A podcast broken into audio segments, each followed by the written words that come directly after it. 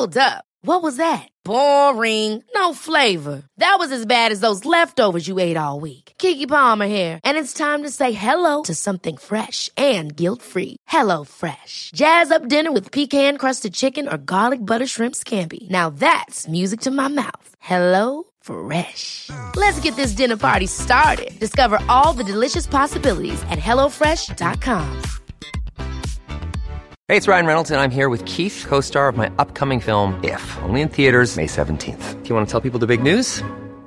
All right, I'll do. Sign up now and you'll get unlimited for $15 a month in six months of Paramount Plus Essential Plan on us. Mintmobile.com slash switch. Upfront payment of $45 equivalent to $15 per month. Unlimited over 40 gigabytes per month. Face lower speeds. Videos at 480p. Active Mint customers by 531.24 get six months of Paramount Plus Essential Plan. Auto renews after six months. Offer ends May 31st, 2024. Separate Paramount Plus registration required. Terms and conditions apply if rated PG.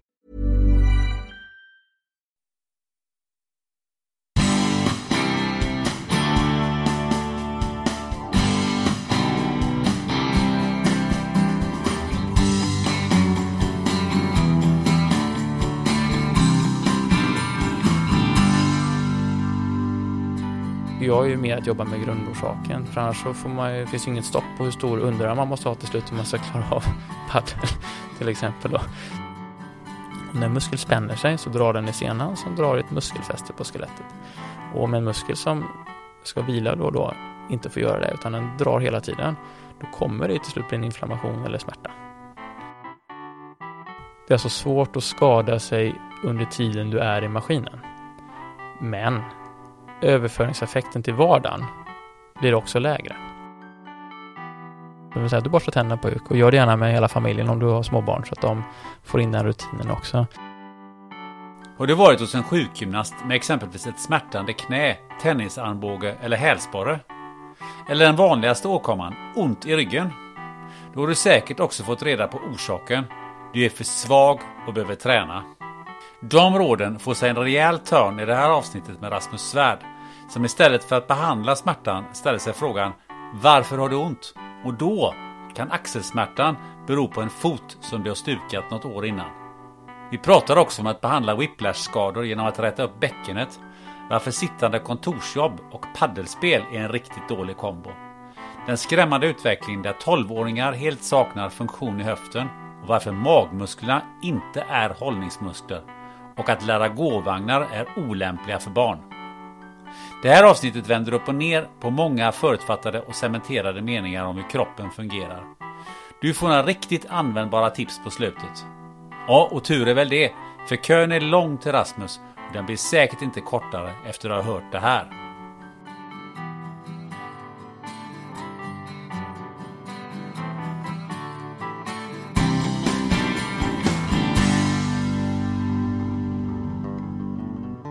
Jag har eh, hört någonstans att du kallas för The Body Whisperer.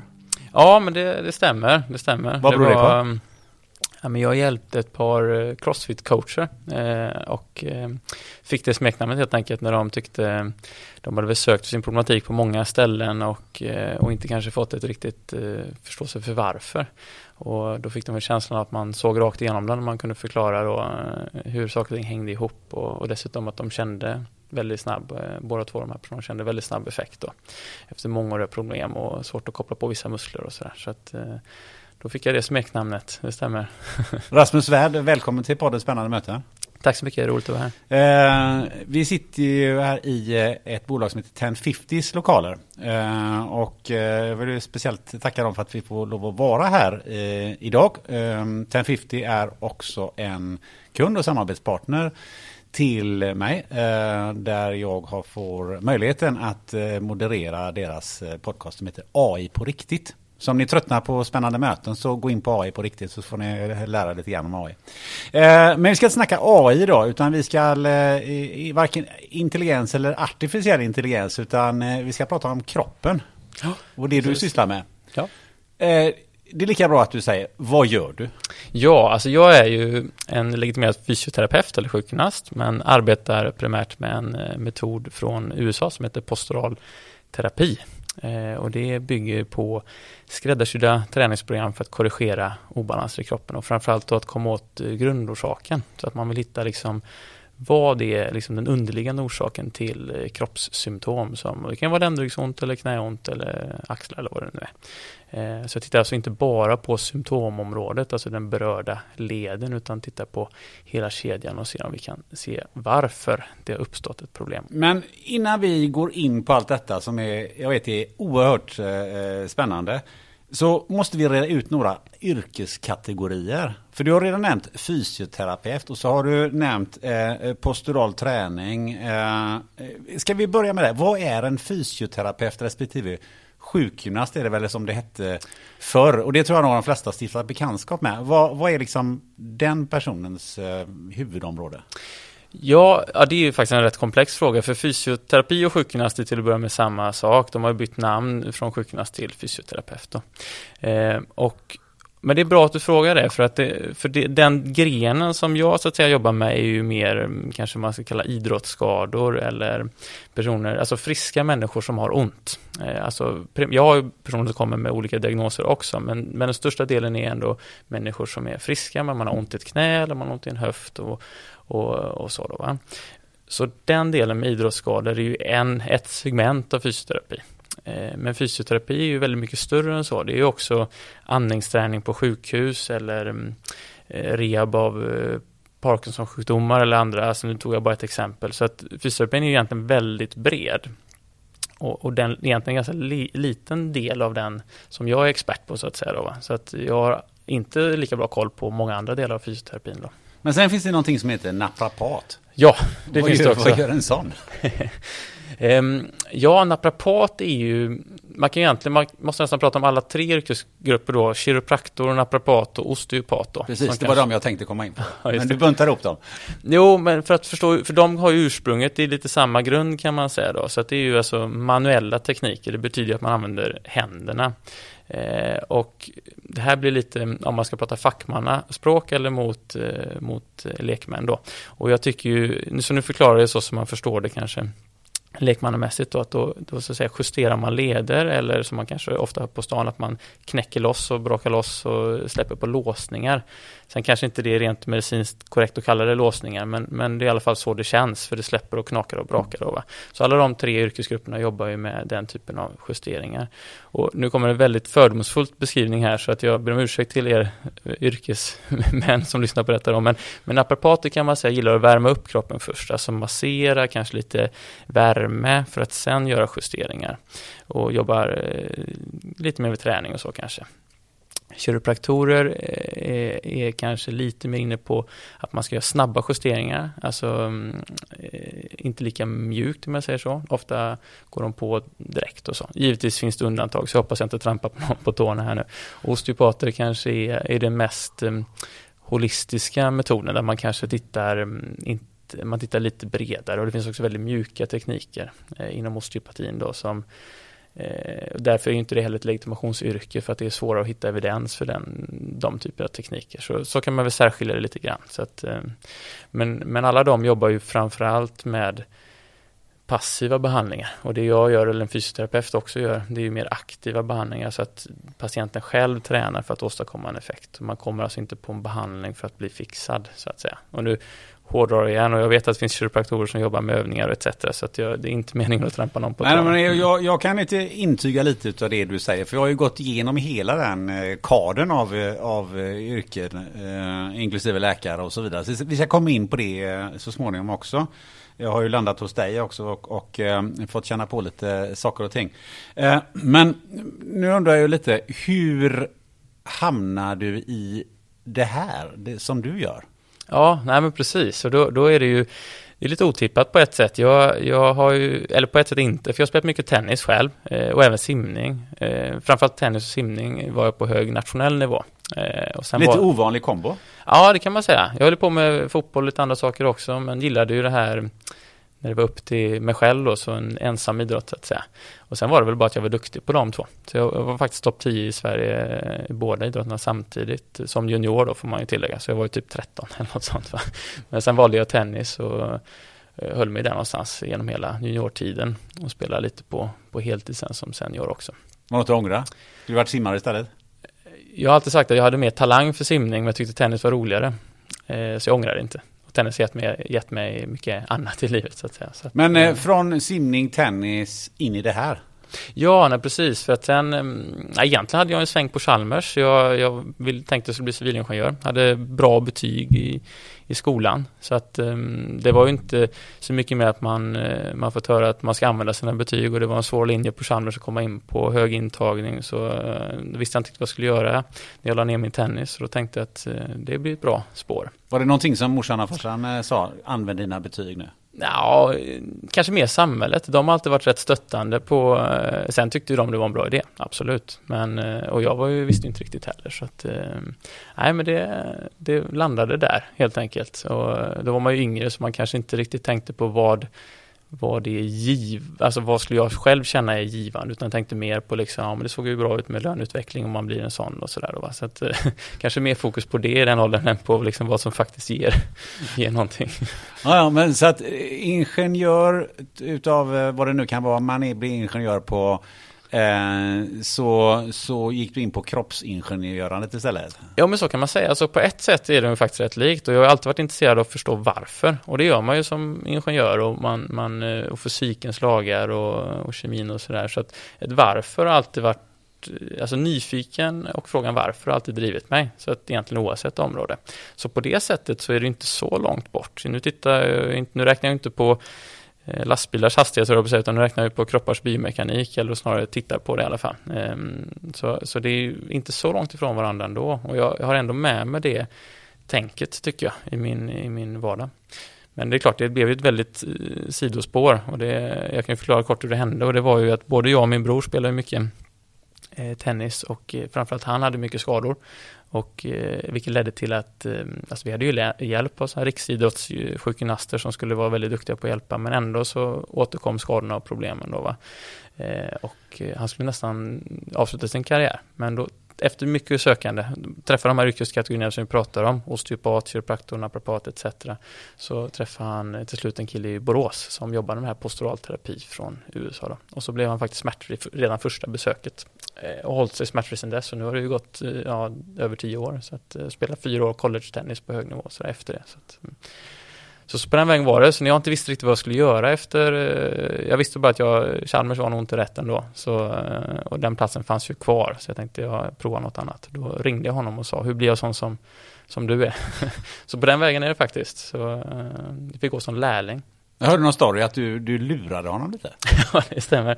Jo, men jag, eller lura och lura, men, men det var ju svårt att få till ett möte och det fanns ju ingen sån utbildning egentligen, för han hade själv pluggat i USA. Eh, så att eh, jag eh, ringde lite då och då och sa att nu är jag i Borås, för han höll till i Borås, jag är från Göteborg.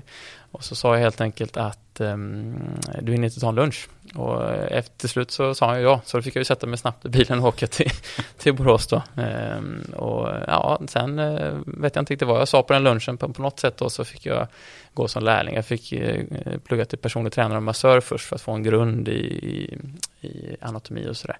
Och sen fick jag gå som lärling där och på, på den vägen började det kan man säga. Men vad, vad, vad, har du för utbildning efter det? För du har inte bara gått som lärling? Nej, eh, jag, har, ja, jag har ju sjukgymnastutbildningen då. Det är väl den som kanske flest känner till som är medicinskt tung då.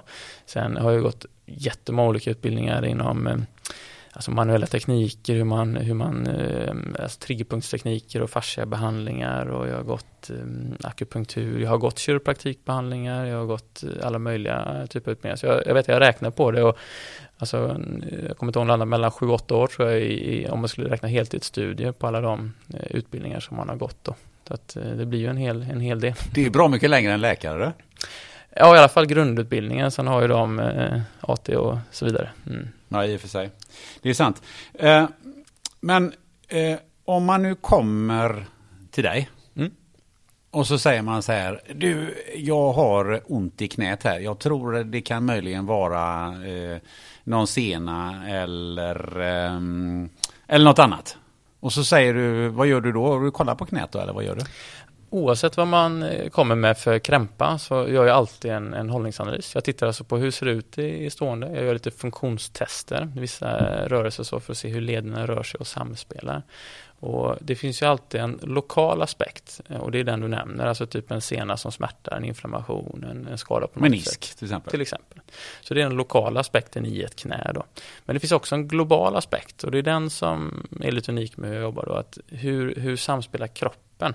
Så vi kan ta, ehm, vi kan ta menisk som exempel, så om, om den inre menisken ehm, gör ont, då kan ju det spela roll hur fotens ställning och höftens ställning ser ut så att knäts position ändrar sig.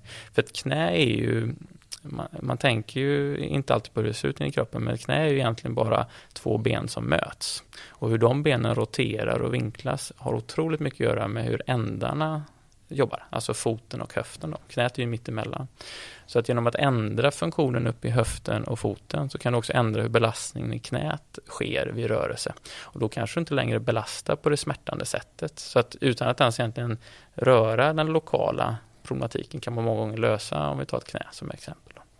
Men, det, men det, är ju, det är ju ett exempel. Vi ska komma in på just eh, lite mer om de här detaljerna. Men vad är det eh, för typ av människor du möter som allra mest? Eh, det absolut vanligaste är ju någon mellan 30 och 60 som har återkommande skador.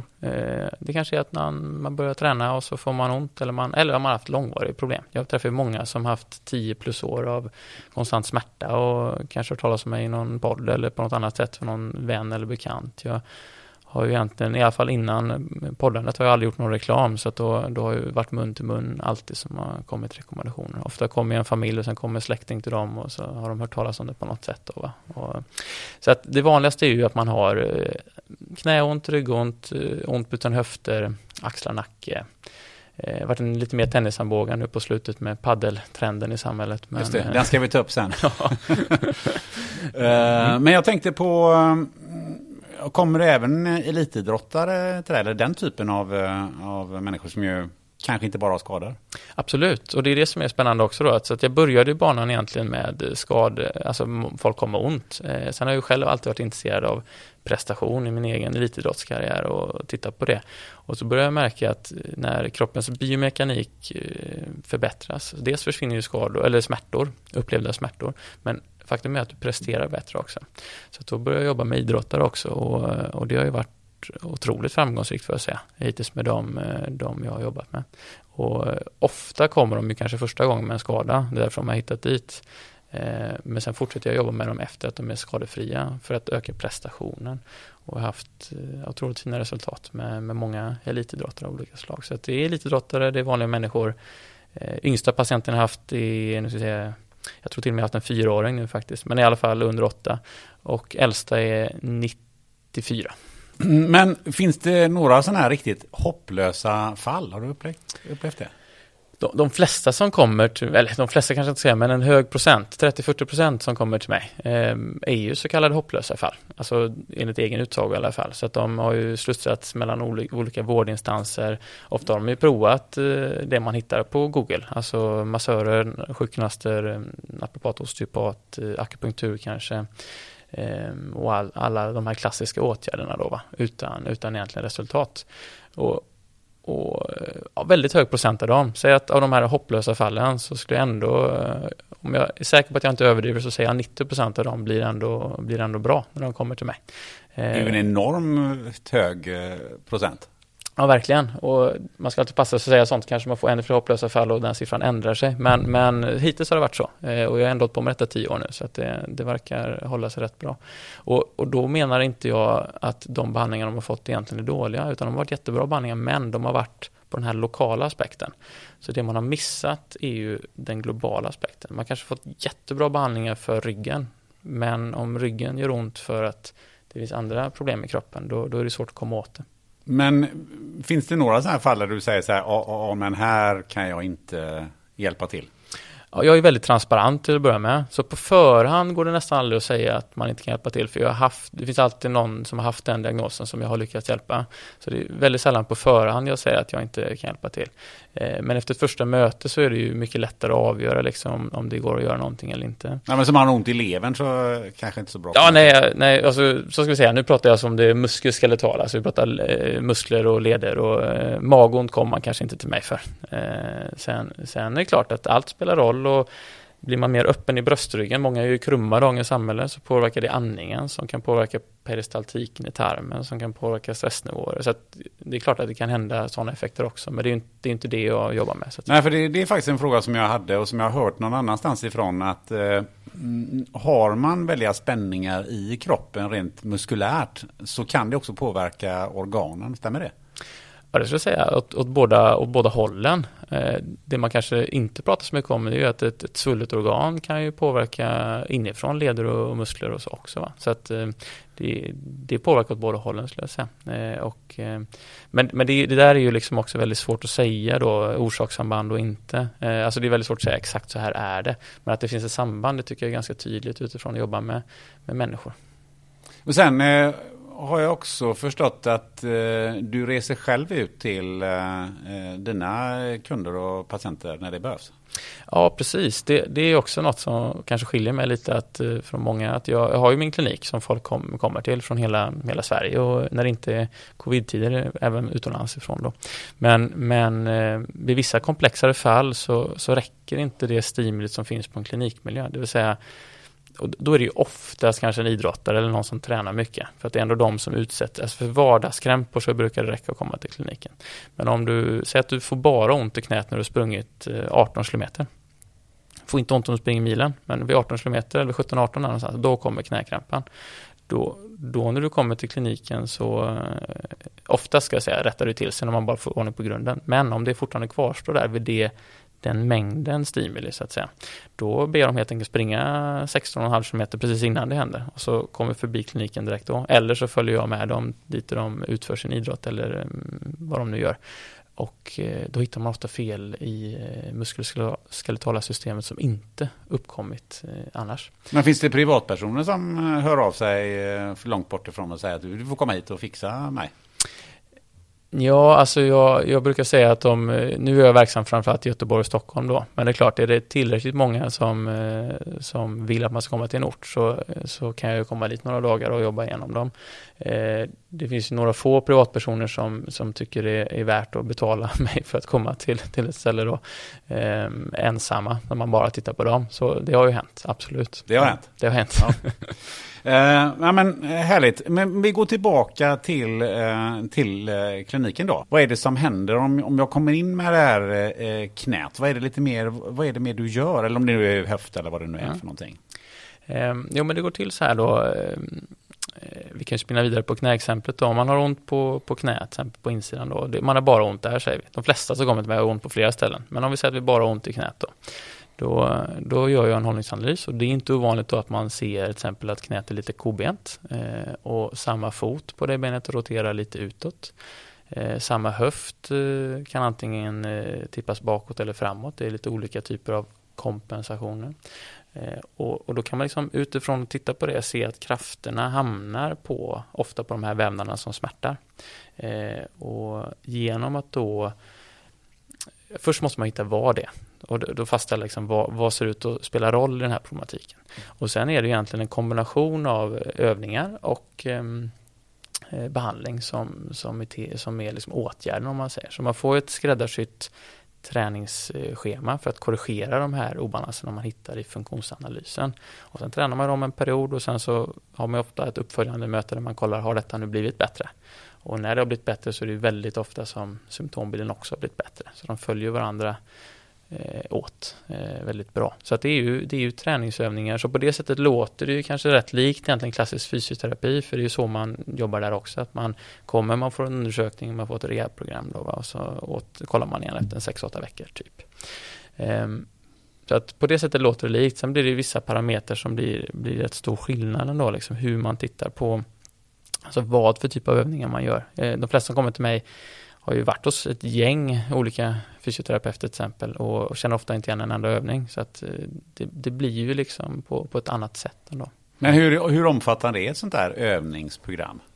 Det skiljer sig såklart från individen men som någon form av riktlinjer eh, så kanske ett program tar 20 minuter att genomföra och, ta, och så tycker jag kanske att man ska göra det då beroende på problematiken 4 till 6 gånger i veckan i 2 till 3 månader. Och då är det inte egentligen att det behövs så lång tid för att bli smärtfri ofta, utan det är snarare att man vill få en bestående förändring. Vi vill ju att det här problemet som vi hittat faktiskt ska försvinna och inte bara återkomma. Så att eh, smärtfria är det många som blir till och med efter ett första möte eller några veckor fram. Men, men jag tycker ändå att man ska ta en uppföljning för att se att har vi kommit åt det här problemet. För må många personer har ju återkommande skador och tror kanske att nu har det otur igen, men många gånger är det samma funktionella grundorsak som skapar dessa återkommande problem. Men eh, de här övningarna då, kan man göra dem lite hur som helst eller är, är, är det ett visst följd man måste göra dem eller? Följden är otroligt viktig, verkligen. Jo, men eh, där skiljer det sig igen då kanske lite hur jag ser på kroppen och, och en del andra. För att eh, jag skulle alltså kunna ge samma övningar till en person som har gjort dem smärtfria och vända på ordningen och så skulle de få mer ont. Så okay. kan det vara. Och det låter ju kanske spontant konstigt då. Men, men det är lite som att bygga ett hus. Eh, om, om grunden måste vara stabil innan väggarna kommer och taket kan man inte börja med innan man har väggar så att säga. För, eh, ja, ni förstår metaforiska principen i alla fall. Så att, eh, det är lite samma sak med kroppen. Så att man måste jobba med kroppen. Så om, om vi tar till exempel att, säg att framlåret är väldigt stelt. Då är det ju stelt av en anledning. Då, det är inte, det, kroppen tycker inte bara att det är kul att bli stel, utan det är ofta att muskeln spänner sig många timmar på dygnet för att till exempel skydda knät. Då. Sen kanske inte det är den optimala lösningen för att skydda knät, men det är kroppens försvarsmekanism för att försöka få ordning på situationen. Så att då kan man inte börja med bara frenetiskt stretcha låren, för det är ju kroppens försvar. Den kommer inte vilja släppa den spänningen. Då måste man först ge kroppen ett alternativ. Så till exempel kanske man låter insida lår och djupa höftböjar ta över belastningen istället, så att man kickar igång dem med olika övningar för att sen kunna stretcha låren. Och då, då kanske det inte ens är så mycket motstånd kvar. Man kanske blir lite rörligare utan att ens stretcha dem så att säga. Jag har en egen erfarenhet där som är lite spännande. Jag spelar ju som sagt tennis på, på hög nivå och en sån här klassisk framåtfällning med raka ben när man ska nudda golvet med händerna. Precis. var ju en otrolig akilleshäl för mig som tennisspelare och eh, det känner säkert många igen sig. Jag hade ju minst 15-20 cm kvar till, till golvet liksom. Eh, och så när jag började med detta då så fokuserade vi ingenting på baklåren när jag själv skulle justera min kropp för att det var inte där felet satt utan det var vissa rotationer i bäckenet och framförallt en högerfot som vred sig utåt. Då. Och sen när vi fått ordning på det så, så fick jag helt enkelt uppgift att bara prova en framåtfällning och så tänk, hinner man ju tänka tanken, oh, ja, den är inte så trevlig. Eh, och så provar jag och så inget motstånd. Sätter ner händerna i backen utan problem. Så där har den spänningen, alltså bakrådsspänningen släppt av sig själv då, utan stretch, utan genom att fixa resten av kroppen. Och det var ju för mig personligen en väldig ha. även om jag hade teoretiskt förstått principerna så blir det ju när man känner i sin egen kropp så blir det ju liksom på riktigt på något sätt. Så det var häftigt. Ja, spontant så känner jag ju det att eh, jag var volleybolltränare på 80 och början på 90-talet och vi jobbade väldigt mycket med stretching för det var väldigt viktigt att att snabbt komma ner på golvet och, och, och, även bli explosiv så att säga. Eh, men det var det väldigt mycket av den typen att sträcka ut mer. Eh, och det fanns ju vissa som var helt hopplösa. Det spelar ingen roll vad man gjorde. Eh, så att jag hade nog behövt det här. Men någonting annat som slår mig det är ju att många utav terapier som, som man möter, och det kan vara både i sjukvården och annat, så, så Eh, gäller att dels att man gör mycket själv men också att det tar ganska lång tid. Här får man ju visserligen göra saker och ting själv men, men det här är ju en, en väldigt intressant quick fix.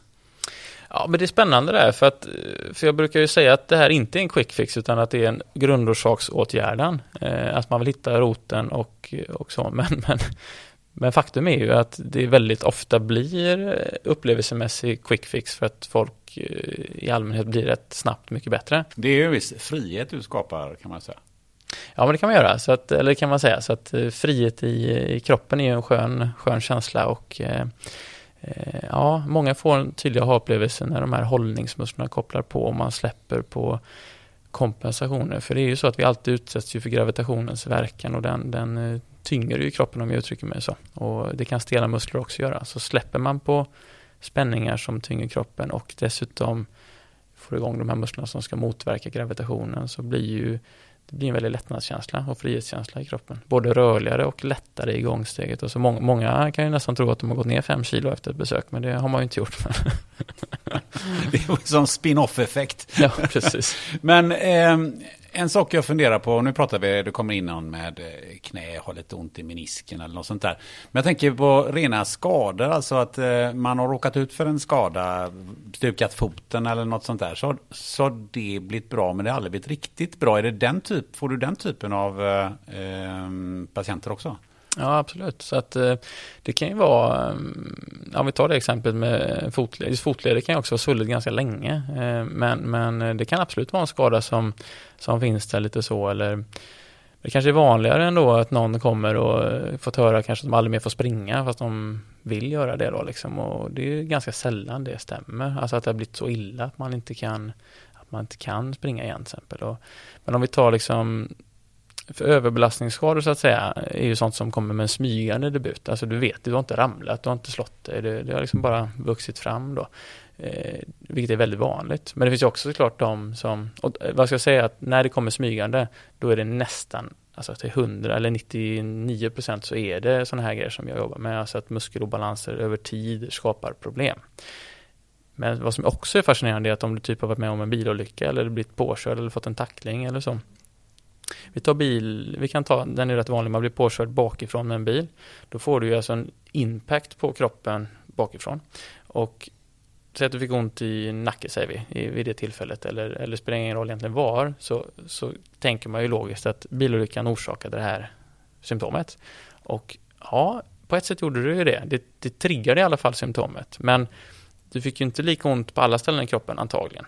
Och det kan ju såklart ha att göra med liksom vilken vinkel blir jag påkörd och så. Men det är också så att den impacten ska ju, den belastningen ska fördelas genom lederna genom kroppen. Det tar inte bara helt stopp, utan ofta kan man ju se liksom att hela kroppen slängs i en viss riktning och så.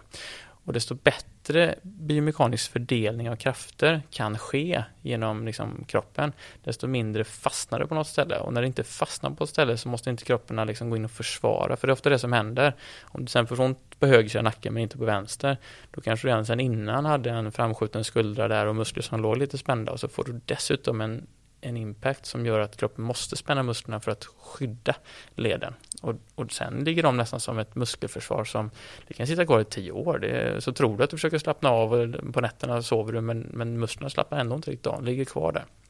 Så jag har haft många whiplash-skador som, som gjort mycket nackövningar men det, det räcker inte för att kroppen, alltså ryggraden och nacken sitter ju på bäcken och korsben. Så att är det inte stabilt nere i bäcken och korsben så känner hjärnan av det och så vågar inte den slappna av musklerna i ryggen och nacken för att de ska ju skydda, tänker hjärnan då.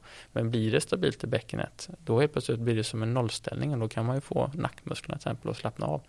Och då börjar läkningen och då blir det bra. Så att även vid sådana tillfällen så, så är det viktigt hur positionen i kroppen befinner sig och hur muskelbalansen är. Men det är alltså, det kommer människor som har whiplash-skador Absolut. Vad, blir de bra?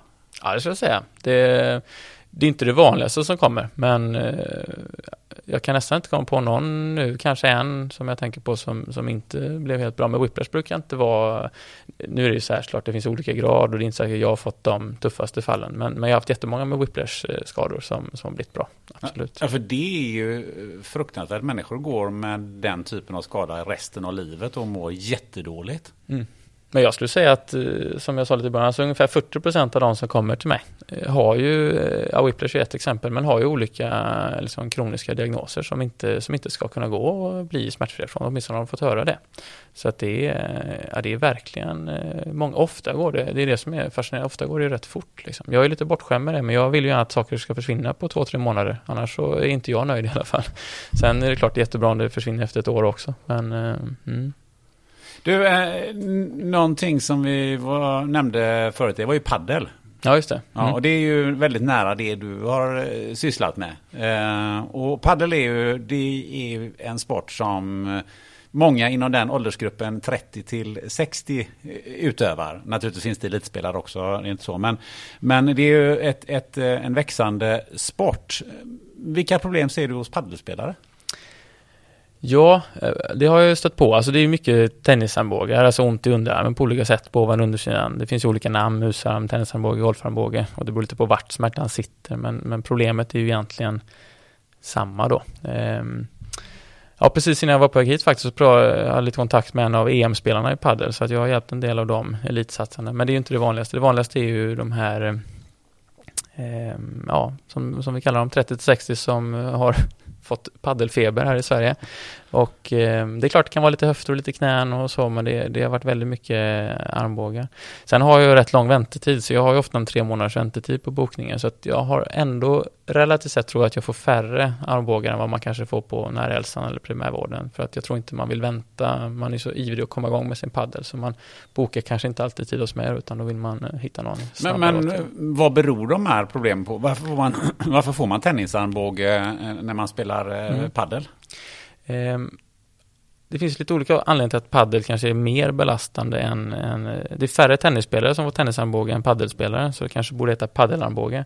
Men om vi tar principiellt som gäller båda de sporterna och alla racketsporter, och även om man målar om huset, det är lite samma eh, grej, man kan få en tennisarmbåge så att säga, måla om huset. Ja, det spikar va? Ja, absolut. Så att allt det är ju en, någon form av impact eller smäll på handleden. Och den ska ju, då spänner sig musklerna kring handleden och sen ska det fortplanta sig från handled, armbåge, axel, skuldra, faktiskt ut genom ryggraden och ner genom benen. Det är det som ska hända. Så att rent biomekaniskt så ska belastningen fördelas genom kroppen så att alla delar tar en del av belastningen. Vad som ofta händer då när det blir problem det är ju alltså att eh, till exempel axeln är framåttippad. Det är en vanlig grej i vårt eh, sittande samhälle. Och då blir ju kanske bicepsmuskeln lite kortare och den fäster ner på armbågen och då blir det lite ökade spänningar där. Och så ska du dessutom ta i då med tricepsmuskeln på baksidan och underarmsmusklerna och då fastnar väldigt mycket belastning i armbågen. Så att då blir liksom inflammerat anspänt och smärta lokalt där då. Och då finns det ju liksom lite två vägar att gå. Det klassiska är ju att man utför en underarmsrehab. Det är säkert många känner igen när man får lyfta på en hantel kanske eller på olika sätt jobbar med underarmsmusklerna. Och det är klart, då blir ju muskeln större efter ett tag och då blir det ju samma kraft oavsett om det är spika eller paddel eller vad det är fördelas ju på en större yta och det kan ofta leda till lite mindre verk då. Men det hjälper inte för alla men det, om det hjälper så är det lite därför då. Och blodcirkulation och, och sådär. Eh, men det finns ju ett sätt som man också kan jobba och det är att man får ordning på den här belastningsfördelningen. Att kraften faktiskt inte stannar i armbågen utan att den jobbar igenom hela kroppen. Och det tycker jag är mer att jobba med grundorsaken. För annars så får man ju, finns ju inget stopp på hur stor underarm man måste ha till slut om man ska klara av padel till exempel. Då. Sen kan man såklart jobba på båda aspekterna samtidigt, kanske allra effektivast. Men vad, vad gör du då när de kommer in med en, med en paddelarmbåge? Kan det vara så att du liksom börjar kolla på, undrar hur bäckenet mår eller vad liksom? Ja, alltså det kan det vara. Så att allt beror på hur personen eh, ser ut helt enkelt. Men eh, förhoppningsvis så är det ju för deras skull så att det mest är kanske en krum bröstrygg och en framåttippad axel och eh, spända muskler däromkring då. Men det kan ju vara så att den krumma bröstryggen som påverkar armbågen, alltså indirekt, har sin grund i ett bakåttippat bäcken till exempel. Och det kan ju, om man otur, ha sin grund i att fötterna är utåtvridna. Så att har man otur så behöver man en helkroppsåtgärd för att långsiktigt komma åt armbågen. Men det är ju om man vill jobba på det här sättet, man vill liksom hitta vad beror det här på? Eller vad, inte bara den lokala aspekten då, att typ få en större underarmsmuskel.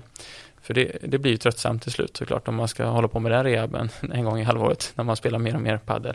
Så att om man vill komma till liksom den här belastningsfördelningen så, så kan det vara att man behöver jobba på hela kroppen. Sen lägger man ju, om ett besök hos mig är på 90 minuter så lägger man ju kanske mm, ja, fram till de sista kvarten, 20 minuter lägger man ju på den globala aspekten. Alltså hur, hur får vi ordning på den här belastningsfördelningen? Hur kan vi få kroppen in i en fördelaktig position? Och sen sista kvarten, 20 minuter, då kanske man gör en lokal åtgärd. Och det kan ju vara triggerpunktsbehandling, det kan vara akupunktur, det kan vara laserbehandling, det kan vara en lokal åtgärd som hjälper läkningen i den vävnaden. Då. Så man jobbar ju, eller jobbar ju ofta på både och. Men det har ju hänt med att man jobbar på totalen och när man väl kommer till symptomområdet så är smärtan borta fast man inte har rört det.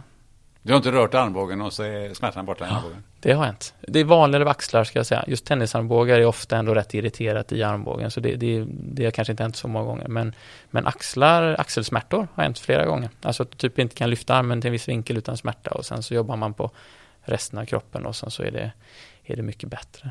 Vi kan göra en sån kort, eh, du som lyssnar kan prova att helt enkelt sätta dig på en, eh, eller stå upp också, men eh, sitta eller stå och krumma ihop bröstryggen, alltså man, man rundar ryggen så mycket som man kan och provar att rotera armarna utåt från kroppen. Så man har armbågarna in till kroppen och så roterar man utåt. Och så känner man liksom hur motståndet känns inne i axeln där.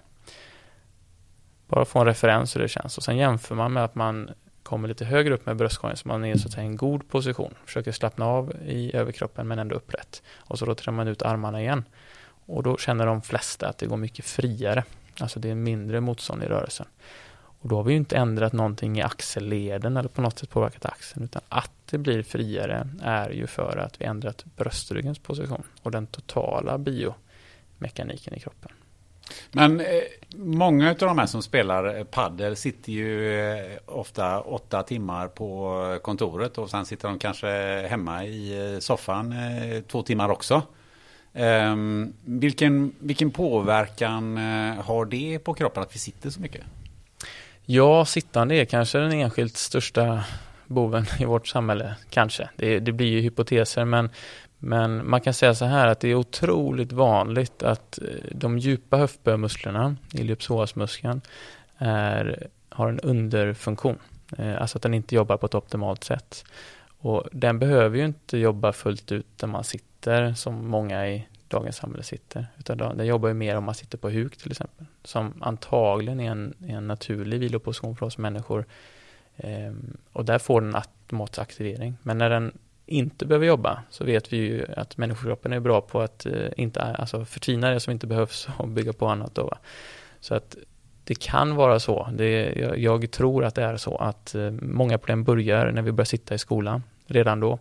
Eh, när, vi sitter, när vi är små barn, det är bara att titta på små barn. De är lätta i kroppen, de rör sig fritt och de eh, sitter på huk utan problem och studsiga och lätta. Eh, och sen ser vi på tonåringar och det, det är inte bara, det kan ju såklart vara andra aspekter, men, men de har kanske suttit några år i skolan, de har tappat funktion i bäckenet, de har fått kompenserande muskler. Själv, mina baklår hade blivit superstela vid den tiden då. Va? Och, och det blir de ju för att kroppen försöker lösa uppgiften. Så att vi adapterar ju till sittande till exempel. Då. Och då är det inte så lätt att bara på två minuter adaptera till paddelspel där man kanske behöver eh, de här ellipsosmusklerna igen då. Så att vi har ju liksom ett, ett, ett samhällsproblem egentligen i, i, att eh, man sitter så mycket och från tidig ålder. Ehm, så man, man slutar ju använda de här musklerna på ett, på ett eh, gynnsamt sätt. Men hur skulle det gå om man skulle ha ståbord i alla klassrum? antagligen bättre. Sen är det ju eh, alltså det statiska stilla, stillaståendet eller stillasittandet är ju kanske inte optimalt. Eh, jag tror att det finns många kreativa sätt och jag tror att man måste ta det dit i framtiden i, i skolor. Det måste utvecklas att man kanske sitter lite på huk, sitter lite på golvet, lite stående, kanske lite på en stol, att man varierar under dagen utan att för den sortens skull ta bort kvalitet från lektionen då. Men man måste nog hitta något annat sätt för att eh, ja, det är skrämmande faktiskt. För eh, det är också, märker jag bara sista åren, att jag får fler och fler yngre, alltså 12, 13, 11 års åldern. Eh, och många av dem har ju liksom ingen funktion alls i sina höfter. Och det ser jag inte på den äldre generationen om man säger så. Så att det är ju bara en hypotes, men jag skulle tro att det har liksom med iPad stillasittande Eh, och ingen spontanidrott och, och sådär då att göra. Så att det liksom förtvinar ju nästan in i höftlederna känns det som. Mm. Och det är en hypotes, jag säger inte att det är så. Nej, men det låter ju uh, rimligt. Men hur, hur, ser en människa ut som har suttit i, i många år rent fysiskt? Ofta blir det ju att eh, när man ställer sig upp så är fötterna utåtvridna och står ganska, man står ganska brett. Eh, och man har ett bäcken då som har tippat bakåt, alltså så att ryggraden blir plattare, alltså tvärt emot svank.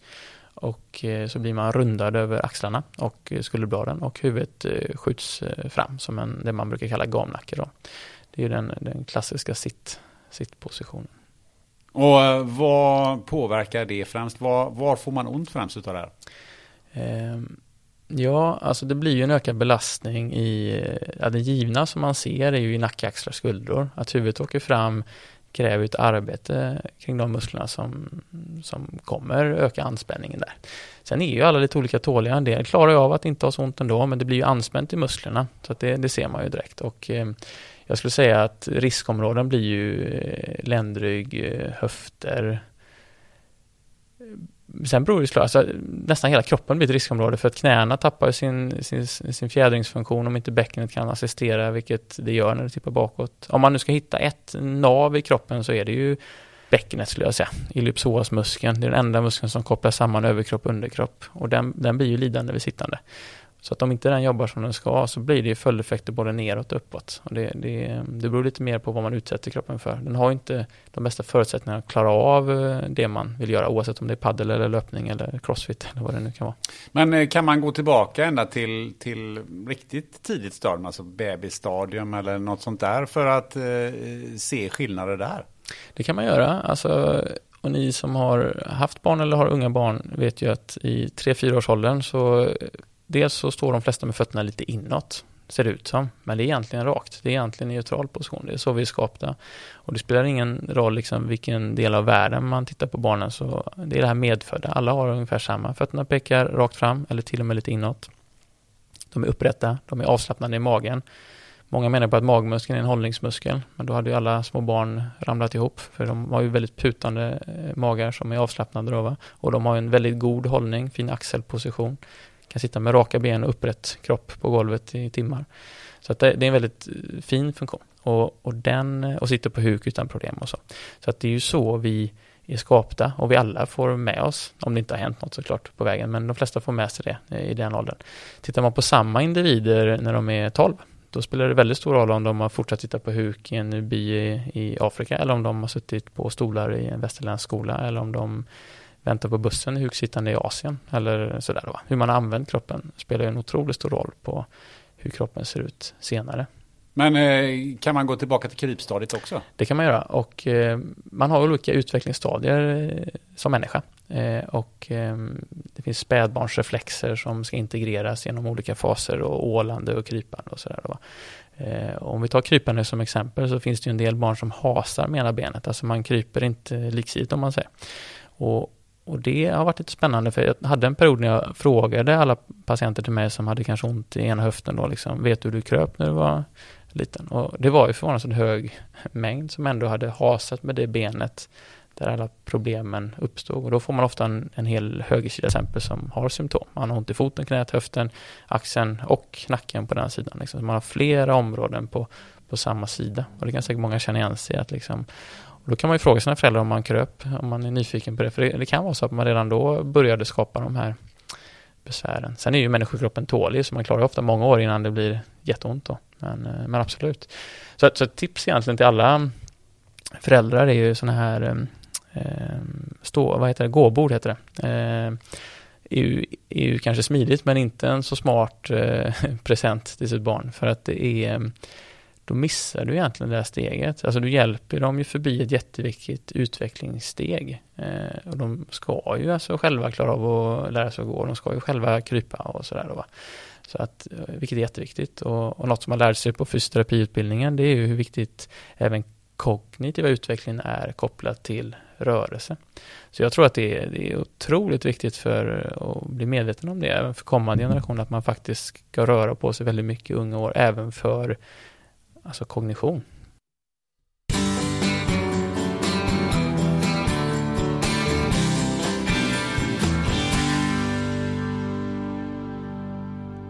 Idag så har vi Peggy från Attrament Books med oss här i Spännande möten. Peggy berättar för oss, vad är Attrament Books?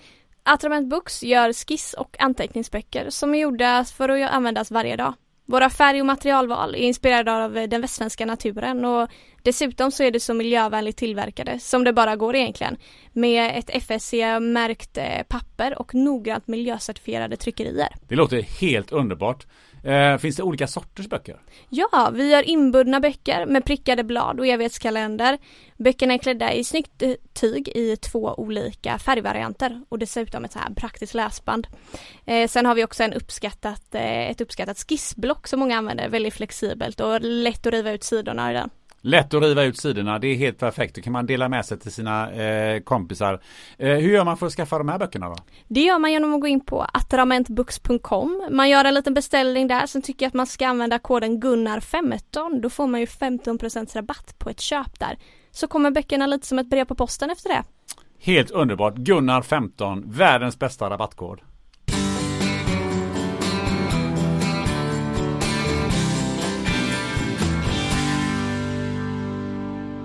Någonting som jag funderar på som du har varit inne på eh, lite grann här. Alltså att eh, du sa det här med, med armen och, och armbågen och så tränar du liksom biceps och triceps så får du den allt större. Men, men är det den typen av muskler som, som du jobbar med eller vad, finns det olika, man ska säga, olika lager av muskler eller hur, hur fungerar det där? Man kan se det som en, som en pyramid och det, det, blir lite metaforiskt men om vi har de posturala musklerna, eller hållningsmusklerna då, som ett fundament. Deras uppgift är ju primärt att hålla kroppen upprätt mot gravitationen och deras uppgift är också att stabilisera alla leder vid rörelse. Alltså det är håll... inte mag och rygg då alltså? Nej, inte de ytliga magen, eller vad säger jag, magen, inte ytliga magmuskler och inte ytlig rygg. Eh, och egentligen inte den djupare magmuskeln heller, den här transversusmuskeln, utan det är till exempel då insalor, ellipsoas, quadratus lumborum för den anatomikunniga. Men det är djupa muskler i, i rygg och eh, bäcken, höfter. Eh, och då kan man ju egentligen backa, liksom, tänka evolutionsmässigt här för att förstå varför det är så. Och vi, är ju, vi ska överleva Eh, och vi människor har ju trots allt överlevt hittills i alla fall. Och, eh, och då är det så att vi ska vara energieffektiva, för man eh, hade ju kanske inte buffébord förr i tiden, så att vi måste ju ösla så lite energi som möjligt eh, som, som art. Och då, då vill vi använda muskler som är uthålliga och som inte kräver så mycket energi för att stå upp och röra oss och gå. Och för att det ska ske, då finns ju vissa muskler som har då som är lednära, så hävarmarna är gynnsamma. Eh, de har muskelfibertyper som, inte, som är mer åt det långsamma hållet, som är alltså uthålliga. Eh, och de ska ju då fungera som, alltså hålla oss upprätt och vara ett ankare vid alla rörelser. När de inte gör det, till exempel i och med att vi sitter i skolan och då slutar jobba i de musklerna som det ska, då kommer kroppen hitta en lösning. För kroppen försöker överleva, så den kommer hitta en annan lösning. Så då kommer den börja rekrytera sekundära stabilisatorer, alltså andra muskler som har andra uppgifter och i värsta fall till och med rörelsemuskler, alltså muskler som ska skapa en rörelse. Vilket betyder till exempel då att om man står upp och känner att låren är spända, framlåren syftar jag till nu, men även baklåren, som många känner igen, då betyder det att dina rörelsemuskler, lårmuskeln, som är till för att eh, sparka på en fotboll eller bromsa när du går ner för en trappa eller, eller sådär då, va? då jobbar de även för att hålla dig upprätt. Så den rörelsemuskeln har tagit rollen som hållningsmuskeln. Och den håller dig upprätt, ja, du ramlar inte ihop, men den är energikrävande. Den är inte alls lika uthållig och den kommer kräva mycket mer energi. Nu har vi ju buffé här i den moderna världen så vi klarar ju oss. Men det hade inte varit ett evolutionsmässigt fördelaktigt sätt att, att arbeta på om man tittar genom mänsklig evolution. Så det finns ju vissa muskler som är lämpade att utföra vissa eh, rörelser och vissa uppgifter. Då. Och och det här har ju mött lite motstånd i senaste eh, liksom, åren inom evidensen och så, eh, att, att man tycker att alla muskler kan göra allt. Och ja, det går att hitta lösningar, kroppen kan hitta lösningar på det mesta. Men är de bäst lämpade för det? Är, är liksom, och då är det inte bara, och jag ser det varje dag på kliniken, att, att kropp, olika kroppar har hittat olika lösningar på olika problem. Och det tar massa energi och det är mycket muskelspänningar och man blir tyngre i kroppen, man upplever sig mer spänd. Eh, man är mindre rörlig, man tappar rörelseomfång. Varför? Det är ju för att muskler som är stela och spända överjobbar. Att man kan säga metaforiskt att de jobbar övertid och så hållningsmusklerna har tagit semester. De orkar ju inte till slut och då blir det spänt och det blir senorna får ju, alltså musk, det är ju så att muskel fäster i sena som fäster i skelett. Och när muskel spänner sig så drar den i senan som drar ett muskelfäste på skelettet. Och om en muskel som ska vila då och då inte får göra det utan den drar hela tiden då kommer det till slut bli en inflammation eller smärta. Och det är lite så det här uppstår då. Så att, så att om vi tittar på hållningsmusklerna som är det primära. Det är de, jag hitt, om jag tittar på en kropp så hittar jag alltid var i den kedjan brister det och hur har kroppen kompenserat mot det. Så det kan ju till exempel då brista i höger ellipsoasmuskel och insellår säger vi. Och då har kroppen kompenserat det genom att jobba med höger framlår och höger utsida lår lite extra mycket. Och då finns en muskel där som heter tensor fascia lata och den går ner i det här IT-bandet som många har talat om och går ner på utsidan av knät och så får man ont på utsidan av knät. Och då är det många som kanske rullar med sådana här foam roller längs med utsidan på knät för att släppa på den smärtan. Och det kanske i bästa fall fungerar, man får mindre ont. Men de har inte sett varför har den muskeln blivit så spänd när jag springer eller jag tränar. Jo, det är för att de här andra hållningsmusklerna då, som också är stabiliserande i sin funktion, inte gjort sitt jobb. Så då har alltså en rörelsemuskel tagit deras uppgift och då blir det till slut en symptomproblematik. Men eh, nu, nu blir jag lite konfys måste jag säga. För att eh, om jag går till en läkare och så en, en ortoped. Um, och så visar sig det att genom lite röntgen att du har ett meniskproblem jag är där inne igen på, på knät. För jag tycker att det, det är många som, mm. som har, kanske kan relatera till det. Och så säger läkaren, ja, nej det där är ingenting att operera. Um, du får gå till sjukgymnasten. Tre våningar upp. Uh, och åker upp till sjukgymnasten och så säger sjukgymnasten, uh, jaha, uh, just det, jag såg att du hade en meniskskada här. Um, jag tittar på röntgenbilderna. Eh, då behöver vi stärka upp knät. Och då får jag ett antal rörelser. Du pratade här om rörelsemuskler. Alltså jag får ett antal rörelser som jag ska göra då för att stärka musklerna. Men det, det där är ju lite annorlunda än det du säger. Absolut. Och, och nej, men ofta får du då musklerna kring knät och då tänker man ju vilka muskler fäster kring knät. Och till exempel framlåret som vi precis pratade om fäster ju ner över knät. Då. Och ett väldigt tydligt exempel på detta när det blir tokigt, det är ju om många tycker det gör ont att stå på knäna. Alltså om man ställer sig på, i trädgården eller på golvet på knäna så gör det helt enkelt ont. Eh, det är många som kan känna igen sig det tror jag. Och då, då är det väldigt ofta, och det här är ju spännande för att det är klart man kan ju ha en broskskada på eh, alltså knäskålen som gör att det gör ont. Det kan ju vara så. Men 90 procent, även upp i åldrarna, även 80 plus som jag har träffat, Får man bara lårmuskeln att bli tillräckligt mjuk och avslappnad så gör det inte ont att stå på knäna. Och det har jag sett det så många gånger så jag kan säga det liksom till 95 procent i alla fall, att det verkligen är så. Och då hade man ju kunnat i det fallet göra liksom hur mycket lårmuskelstärkande som helst och där det ändå inte gjort ont att stå på knäna. För den muskeln är ju redan för spänd. Alltså den jobbar ju för mycket. Lårmuskeln är dessutom en muskel som är väldigt bra på att kompensera. Det vill säga att det är en muskel som kan utföra inte lika bra, men den kan ändå utföra många av de uppgifter som hållningsmusklerna ska göra. Så det är väldigt vanligt att lårmusklerna blir spända. Och, och många gånger så motverkar det ju egentligen grundorsaken att jobba mycket med lårmusklerna. Och, och, för att ta ett väldigt spännande exempel så kan vi ta alla korsbandsskador som ändå sker. Eh, som man fortfarande håller på att studera och undrar varför de uppstår så mycket inom idrott. Och då går de flesta korsbandsrea-programmen ut på att man mycket då ska stärka framlår och baklår och liksom lite knäkontroll och sådär då. Men korsbandsskador sker ju nästan alltid vid en riktningsförändring. Det betyder att du springer åt ett håll och så ska du helt enkelt springa åt ett annat håll. Då, va? Och då, vad som händer då är att då är foten fast i marken. Och så vrider du över kroppen och byter riktning och då roteras lårbenet inåt. Och så är underbenet fast. Och de ihop möts i det man kallar knä.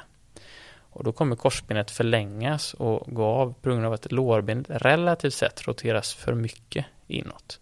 Och då så att säga går det av om man får en skada. Vilket betyder då i min värld och i den logiska världen enligt mig då att det viktigaste där för att undvika en sån skada måste ju vara att stärka upp utåtrotatorerna av lårbenet. Så att inte lårbenet kan roteras in. Och de musklerna sitter ju i höften. Med andra ord, fotbollsspelare som eh, har haft korsbandsskador och får gigantiska lårmuskler. De kör så mycket lår, framlårsrehab som man, och baklårsrehab också ska jag säga, men som man liksom, låren ser ut som fantastiska skapelser. Men ändå åker de ju på korsbandsskador. Och, och fotbollsspelare överlag har ju stora lårmuskler. Så hade det varit lösningen så hade ju inte de haft så mycket korsbandsskador. Utan, och även så amerikansk fotboll och alla sådana idrotter. Så att lösningen som jag ser det sitter ju att stärka upp utåtrotatorerna i höften. Det är de som behöver bli starka för att motverka det här momentet. Då. Och ändå så, de flesta studierna som görs, tittar inte på den aspekten, utan man tittar på lokala muskler kring knät och stärka upp. Och sen ser man att det är ungefär 50-50 i resultat på liksom, de här studierna. Och man kan inte säkerställa några samband egentligen. Och då undrar man ju nästan liksom, ja, det är inte alls kanske jättelätt att, skapa en studie, men man borde ju kunna titta på det på ett lite annat sätt kan jag tycka. Nu är inne på lite här med korsbandsskador. Jag bara kommer att tänka på en grej här. Det är ju lite liten utvikning här. Men, men eh, vad, man har, vad jag har förstått så är det ju fler tjejer som drabbas av korsbandsskador. Eh, både inom fotboll och, och handboll. Och då har man liksom funderat på det. Ja, men de är, beror på att de är svagare. Ja, det var, det var inte så det var kanske väl svartvitt perspektiv att de skulle vara svagare, men, men, men det är klart, alltså om, om, om jag tittar på, på min klinik i alla fall, så det finns ju olika, det finns ju lite olika sätt som män och kvinnor kompenserar. Även om det är samma underliggande dysfunktion som ofta då uppstått till exempel av sittande. Alltså att de här insida lår, djupa höftböjmuskler kanske inte jobbar som de ska. Men då, om jag generaliserar, och då menar jag även unga pojkar, oftare ställer sig bredbent, vrider ut fötterna och, och så att säga tar plats. Det är en vanligare muskelkompensation. Sen kan man ju såklart fundera på varför. Det kanske har med emotionella aspekter också. Men det är i alla fall en vanlig muskelkompensation.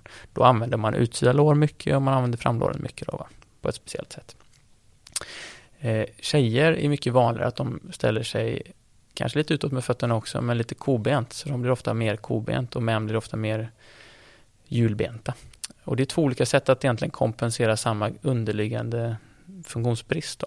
Och det är klart, är du lite kobent, då är det större risk att knäna faller in när du rör dig. Och ofta blir det både att knät faller in och lårbenet inåtroteras. Och då händer precis det jag pratade om här då, att, att korsbenet utsätts för mycket eh, skador. Så att, eller mycket belastning som kan leda till en skada då. Så att eh, statistiskt så skulle jag nog, eller hålla med om att det stämmer. Eh, och ja, svagare i alla fall då i de här djupa utåtrotatorerna i höften. Men, men det är också för att de får ett större vridmoment då, i och med den här kobbenställningen. Då. Så båda har egentligen samma grundproblem. Vilket för mig lite till um, det här med att man tränar eh, knät för att bli starkare i knät för att slippa meniskskadan. En annan vanlig grej eh, som man pratar om, om jag har ont i ryggen, ja, då, får du, då är du för svag i rygg och mage. Är det lite samma eh, sätt att hantera saker och ting? Ja, verkligen. Jag, där har jag en egen upplevelse att när jag gick på jag gick som här riksidrottstennisgymnasium då och eh, fick ont i ryggen. Eh, och fick hjälp av vår eh, sjukgymnast och fick höra att jag var för svag i ryggen. Eh, och på den tiden så tyckte jag inte att jag var speciellt svag i ryggen och eh, jag var framförallt starkare än mina kompisar på tennisgymnasiet som inte hade ont i ryggen. Så jag tyckte redan då att det kändes lite konstigt att liksom, jag är inte svag, jag är rätt stark, snarare för stark kändes det som. Men jag fick ju alltså, olika ryggresningar och på olika sätt jobba upp styrkan i ryggen då. Jag hade ont i ryggslutet på höger sida. Och då eh, gjorde jag detta och fick egentligen bara mer ont. Men jag var ganska flitig så jag körde på eh, och fick ondare och ondare och eh, vet inte om han blev så mycket starkare men det gjorde ont i alla fall. Och då mm, ja, jag tröttnade efter några veckor så jag kan ju inte ha det liksom. Så då, då sökte jag vidare och då träffade jag faktiskt till slut en osteopat som är en av de här yrkesgrupperna vi pratade om i början då. Som, om jag uttrycker mig slarvigt, knäckte till nere i bäckenleden och eh, ja, de här kotorna längst ner då. Och då försvann ju smärtan helt och hållet, 100% på två, tre dagar. Och då insåg jag att jag kan inte varit för svag i alla fall, för då hade ju inte smärtan försvunnit liksom. Så det var ju, så om vi knyter an till det jag vet idag, och som vi har pratat om här i detta avsnittet, så var det belastningsfördelningen. Min bäckenled på höger sida, jag, jag är högerhänt tennisspelare. Det betyder att jag spelar mycket forehand som det heter, när man vrider ut höger fot och gör på ett visst sätt. Då kommer leda till att det blir väldigt mycket belastning uppe i min högra bäckenled. Och om inte musklerna parerar det på rätt sätt så kommer det bli kompressionskraft där och den kommer så att säga fastna. Det är inte riktigt rätt uttryck men det fastnar där omkring, det är så det känns och upplevs. Och då spänner sig musklerna ännu mer i det området för att skydda den, det problemet. Så att ryggmusklerna var ju redan spända och sätesmusklerna var spända och låret var spänt och allt omkring var egentligen spänt och snarare överjobba. Och då får man ju det här klassiska då, stärka upp området. Ja, men jag var ju redan stark. Det var, dessutom var jag spänd Det var ju snarare att jag behövde slappna av området. Så att, eh, det, snarare att inte träna ja, det området? Inte, jag får inte den muskeln, precis. Så att eh, med det jag vet idag så hade man ju först rättat upp foten, man hade släppt på spänningar i låret och så hade man fått igång de här hållningsmusklerna som stabiliserar ryggen. Och då hade ju ryggen varit redo att slappna av. Så om den inte redan har gjort av sig självt så hade man då kunnat stretcha den stretcha. Notera stretcha, inte stärka. Så att den var ju snarare för stor och stark, den här eh, rygg, ryggmuskeln, eh, än tvärtom då. Ehm, ja, så det är ett spännande perspektiv att det, det är väldigt mycket stärka fokus i klassisk rev. Mm, men överhuvudtaget så är det mycket stärka, särskilt när man eh, blir lite äldre så, ska man, så är det många som går till gymmet. Och um, då är det ofta man säger, ja ah, det är bra på gymmet för att det finns många maskiner. Och då undrar jag, vad är för fördel med att träna i maskiner eller att träna med fria vikter och vad är att föredra? Ja, nej, men det är, det är en, på ett sätt en komplex fråga samtidigt som det finns ett enkelt svar också. För att Alltså fördelen med maskiner om vi börjar där är ju att det är skonsamt. Det är alltså svårt att skada sig under tiden du är i maskinen. Men överföringseffekten till vardagen blir också lägre. För att eftersom du inte, om man jämför med fria vikter, då, har du, då måste du stabilisera den fria vikten med alla de här musklerna vi pratat om, det vill säga hållningsmusklerna måste hålla lederna i position. Dina sekundära stabilisatorer måste också hålla lederna i position. Och sen kan en rörelsemuskel till exempel lyfta en vikt eller vad man gör. Så det blir ett samspel mellan alla tre lager. Vilket gör att du får en hög överföringseffekt till vardagen. För att det är så vi rör oss i vardagen. Om vi ska lyfta upp eh, en stol eller om vi ska ja, typiska vardagsrörelser, plocka upp barnbarnet eller vad man nu vill göra. Så det liknar ju fria vikter mycket mer. Så att fria vikter har en mycket högre överföringseffekt.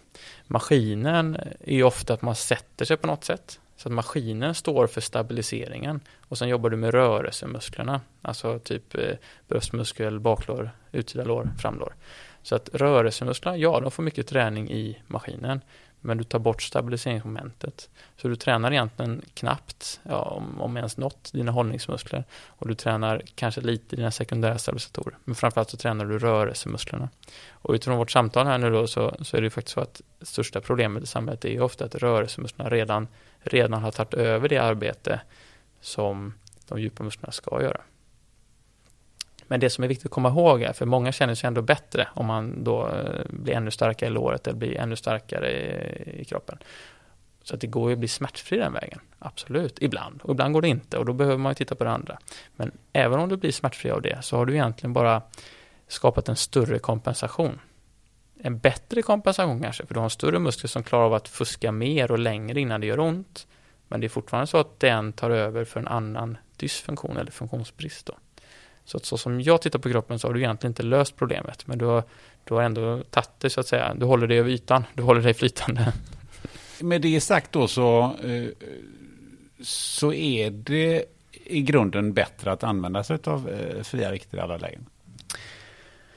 Det är alltid svårt att säga alla lägen, men, men det är alltid bättre att jobba sig dit i alla fall. Det kan ju vara så att man inte är redo för fria vikter heller, att man måste backade ännu ett, ett steg så att säga. Men, men du ska ha som målsättning att komma till fria vikter snarare än att eh, komma till maskiner. Men det finns ju fler som är på samma tema där. Om vi tar den klassiska som många får mycket frågor om, eh, barfotaskor eller dämpade skor. Då tycker jag ju att målsättningen ska vara att kunna springa långt och mycket med ganska lite dämpning eller minimala skor. För att det är så vi någonstans är konstruerade. Vi har en fot som ska fjädra, vi har muskler som ska ta belastningen och vi ska kunna springa i alla fall i måttlig takt väldigt länge. Men du kanske inte är där än. Du kanske inte har höftmuskler som gör sitt jobb för du har suttit hela livet. Du kanske inte har funktionen. Då kanske du i en övergångsperiod behöver lite dämpade skor för att kunna springa. För det har ju många andra fysiologiska fördelar som puls och cirkulation och för allmänhälsan. Då, va? Så att det är inte riktigt så svartvitt, men, men alla ska ändå ha målsättning att kunna, kunna springa med, med mindre dämpade skor eller tunnare skor. Men det är långt ifrån alla som är där att de kan göra det utan att det skapar problem. Men hur kommer man fram till vilka muskler man ska träna, vad problemet är? Måste man gå till dig eller kan man säga så här att jag ska gå till gymmet och träna mina hållningsmuskler? Ja, det som är, jag önskar jag kunde säga att, att det finns ett lätt svar på den frågan. Men det, det är ju lite så att det, det, är ju den här, eh, ja jag ser det nästan som en gåva att jag får ta del av den här kunskapen då. Vi, vi, för grundprincipen i det som heter posturalterapi är ju då vilka är hållningsmusklerna och varför. Och det skiljer sig kanske lite mot perspektiv som man hört innan med alltså kårmuskler, mage, rygg och sådär. Och hade, jag brukar säga, hade det räckt för ryggar, alltså hade mage och ryggmusklerna i sig varit jättebra viktiga muskler bara, så hade det räckt att göra sit-ups när man får ont i ryggen så hade man blivit bra. För det är det första folk gör. De gör plankan, de gör sit-ups, de tränar kåren. Och det kanske hjälper för någon, men och då är det återigen för att de har skapat ett större kompensatoriskt stöd. Men de har inte kommit åt grundorsaken. Och för någon som det inte hjälper så är det för att det inte är där problemet sitter. Så det är inte riktigt så enkelt ändå. Men, men det är klart att det finns vissa principer ändå som, som många människor faller in i. Till exempel vi pratar om sittande. De flesta människor idag sitter och har en underfunktion i, i ellipsosmuskeln till exempel. Då. Så att men det, det, finns, det finns ett problem kan man säga för natural movement, alltså att naturlig rörelse är ju någonting som, som många sysslar med. Alltså att man som vuxen kanske kryper eller man, man ålar eller man gör så att säga naturliga rörelser, man tränar för att sitta på huk och så. Problemet är att man har levt ett liv tills dess där man inte har rört sig naturligt. Vilket gör att kroppen har ju hittat på andra sätt att utföra uppgifter. Så när du ska sitta på huk, så kanske du inte ens kommer ner för att du har blivit stel. För att vissa muskler är ovana att jobba och andra har jobbat för mycket. Så du har inte ens kvar den egentligen grundläggande funktionen som människa. Och, och där är det ju klart, kan vara lite trixigt liksom att hitta tillbaks till det. Man kan också säga så här att hade vi från ung ålder rört oss naturligt genom hela livet så hade inte jag behövts till exempel. Mitt yrke hade inte behövts för att då hade man inte fått de här felställningarna det är ju för att vi sitter och, och, gör olika saker som vi tappar den här grundfunktionen som, som, som jag behövs så att säga. Så att jag och mina kollegor, vi, gör ju, vi återskapar egentligen den funktionen som vi alla är födda med. Om man ska försöka ett generellt tips så handlar det mycket om, om du utför en rörelse i ett fullt rörelseomfång, det vill säga att du tar ut all rörelse i lederna. Om vi tar en knäböj som exempel, går du hela vägen i botten då ökar sannolikheten väldigt mycket att du använder dina hållningsmuskler. Du använder ju också dina rörelsemuskler. Men, men om du gör en halv knäböj, alltså du går bara till 90 grader, då ökar sannolikheten att kroppen väljer dina ytliga muskler för att klara den uppgiften. Så att, så att det är alltid försöka göra rörelser i sitt fulla rörelseomfång. Och kan man inte det då, för att man kanske är stel, då blir steg ett för att kunna komma åt de här hållningsmusklerna är ju att skapa den rörelsen. Och för att ge ett generellt tips då så kanske man i ett första läge då vill jobba med alltså rörlighet, stretching. Det kan vara både dynamisk och statisk, alltså att eh, man gungar lite i vissa positioner eller man håller en stretch statiskt lite längre. Så både det kan hjälpa till att öka rörligheten då, om man gör det lite eh, över en tidsperiod. Och sen då för att få igång de här hållningsmusklerna så kan man försöka jobba lite mer isometriskt. Det betyder att det blir ingen rörelse, att man jobbar mot ett motstånd så att det är du anspänner muskeln men det blir ingen rörelse. Fördelen med det är att då skickar hjärnan mycket signaler till den muskeln. Det blir inte massa olika signaler, olika rörelseomfång, utan det blir väldigt mycket samma. Och det, det, är ett lätt sätt för hjärna och muskel att hitta kontakt. Då. Är det typ att stå i jägarställning då? Eller liksom ja, det, det, skulle kunna vara ett sätt. Sen är det något mer komplext, för det involverar ju liksom låren och hela kroppen. Då, va? Så det kanske snarare skulle vara att du eh, Hey, I'm Ryan Reynolds. At Mint Mobile, we like to do the opposite of what Big Wireless does. They charge you a lot, we charge you a little. So naturally, when they announced they'd be raising their prices due to inflation, we decided to deflate our prices due to not hating you. That's right. We're cutting the price of Mint Unlimited from $30 a month to just $15 a month. Give it a try at mintmobile.com slash switch. $45 upfront for three months plus taxes and fees. Promote for new customers for limited time. Unlimited more than 40 gigabytes per month. Slows. Full terms at mintmobile.com. Ever catch yourself eating the same flavorless dinner three days in a row? Dreaming of something better? Well, HelloFresh is your guilt-free dream come true, baby. It's me, Gigi Palmer. Let's wake up those taste buds with hot, juicy pecan-crusted chicken or garlic butter shrimp scampi. Mm. Hello Fresh. Stop dreaming of all the delicious possibilities and dig in at HelloFresh.com.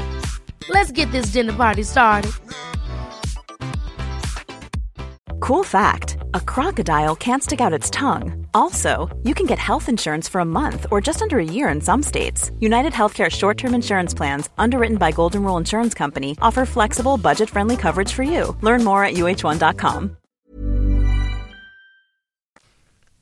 Eh, som nu, som, nu sitter vi när vi spelar in den här podden då. Man tänker att man sitter med så att säga en, en, en god hållning och sätter sina eh, knogar mellan eh, knäna. Eh, och så trycker man in mot knogarna så att man känner att man får jobba med insida lår till exempel. Då. Det är ju viktiga hållningsmuskler. Så det är snarare en sån typ av rörelse att man, man får jobba isometriskt, alltså utan rörelse. Så att man ord, knogarna är ju kvar där, så om man inte trycker väldigt hårt. så då blir det ett arbete där. Och då, då kan man skicka mycket signaler från hjärnan till de musklerna då, va? och utveckla kraft där. Och, så det blir ett mellansteg och sista steget då blir att integrera detta, alltså rörligheten och aktiveringen av de här musklerna in i en mer komplex rörelse som är då typ en djup knäböj till exempel. Alltså man, där man tar ut rörligheten genom hela. Eller om man gör en armhävning så kan man försöka göra en armhävning när man håller ihop skulderbladen helt och hållet. Så att de alltså inte åker isär någonting under, under utförandet. Då. då är det många som inte har rörligheten att klara av att få ihop skulderbladen för att man är stel i bröstmuskler och sådär till exempel. Så att eh, man kan tänka lite tripp, trapp, trull så. Men, men för den nördiga då så är det ju inställd det är de djupa höftböjarna. Man kommer väldigt långt på dem. Eh, det finns ju även djupa muskler mellan skulderbladen, de här romboideusmusklerna till exempel, som man kan väl titta på. Eh, om man då vill, och de kan man alltså jobba lite, det som kallas isometriskt med, om man vill kicka igång kontakten med sina hållningsmuskler. En annan eh, sak som jag fått eh, rekommenderad vid eh, några tillfällen det är ju att man ska använda en sån här eh, pilatesboll eller gymboll att göra grejer på. Vilket är ganska svårt rent eh, balansmässigt. Tränar det eh, den här typen av muskler? Ja, det där är jättebra att du tar upp för att det är ju väldigt poppis att, sitta på medicinboll eller eh, göra olika komplexa rörelser med sånt krav då. Och, och det är samma sak med det jag kallar natural movement och att det finns en väldigt fin grundtanke i det. För tanken i det är att ställa höga krav på balansen och, och då, därmed då jobba med hållningsmusklerna. Men, men vad som händer i praktiken är att personen som gör det har ju ofta inte intakt funktion från början. Om jag säger så här, hade man varit i perfekt muskulär balans och sen sätter sig på en pilatesboll, ja, då kommer hållningsmusklerna jobba, då kommer de ytliga musklerna jobba och så kommer allting samverka i en väldigt fin harmoni. Så ska det vara. Men eftersom det väldigt sällan händer i praktiken så kommer någon person som kanske redan är för spänd i ländryggen, redan är för spänd i låren, sätta sig på den här plåtsbollen och försöka hålla sig upprätt. Och då kommer kroppen, eftersom det är en tuff grej, det kan ju vara att stå på bollen till exempel, hålla balansen där är ju jättesvårt för de som har provat. Då kommer kroppen göra allt den kan för att inte ramla ner. Så den kommer ju rekrytera alla muskler den bara kan. Så den struntar ju just då, det är ju överlevnad. Det spelar ingen roll om jag använder hållningsmuskler eller rörelsemuskler. Jag vill bara hålla mig upprätt här och inte ramla och slå mig. Så den kommer ju kräma på allt, allt den kan. Så nej, det blir inte specifikt hållningsmuskler utan det blir snarare att du använder det du redan är bra på. Så det, det din kropp är bekväm, den är kanske är van att jobba med låren, van att jobba med ryggen. Det är det den kommer att använda.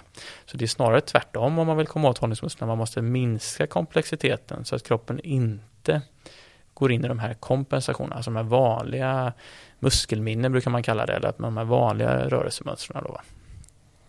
Eh, pilatesboll är ju ett hjälpmedel. Vi har varit inne på lite andra hjälpmedel som ju är populära. Eh, foam rollers är ju sånt som folk går och handlar på Stadium och allt vad det heter för någonting. Eh, eh är det bra? Ehm, alla de här hjälpmedlen är ju Ja, det, precis, just foam roller då, kan vi ta den först, så är det ju så att eh, det kan vara bra om du parallellt jobbar på grundorsaken. Med andra ord, om du har ont på utsida knä som vi tog som exempel förut och du foamrollar utsida lår så kan det ofta göra lite mindre ont i knät. Men om den muskeln då, man får sig liksom varför har den blivit spänd från början? Varför har det blivit ett problem från början? Och formrollen släpper ju på spänningen som ger symptomet, ja, och det är ju bra. Men spänningen uppstår ju på nytt. Och om du inte vill vara beroende av att formrolla varje dag resten av livet så, så måste du hitta anledning till varför det blir spänt från början. Så att jag säger inte att foamrollering är dåligt, men det är ju det är inte en grundorsaksåtgärd, utan det är snarare ett, ett liksom hålla det flytande åtgärd. Liksom. lindra, sig, lindra det hela lite? Det kan det göra. Mm. Och, och så kan man säga, för de som det inte lindrar, ja, då har man ju bara mer av det här problemet. Alltså då, då kan inte kroppen ens slappna av en liten stund. Då går den snarare i försvar. Den här muskeln vill inte slappna av oavsett om du stretchar eller foamrollar. Då måste du ju först ge kroppen ett alternativ.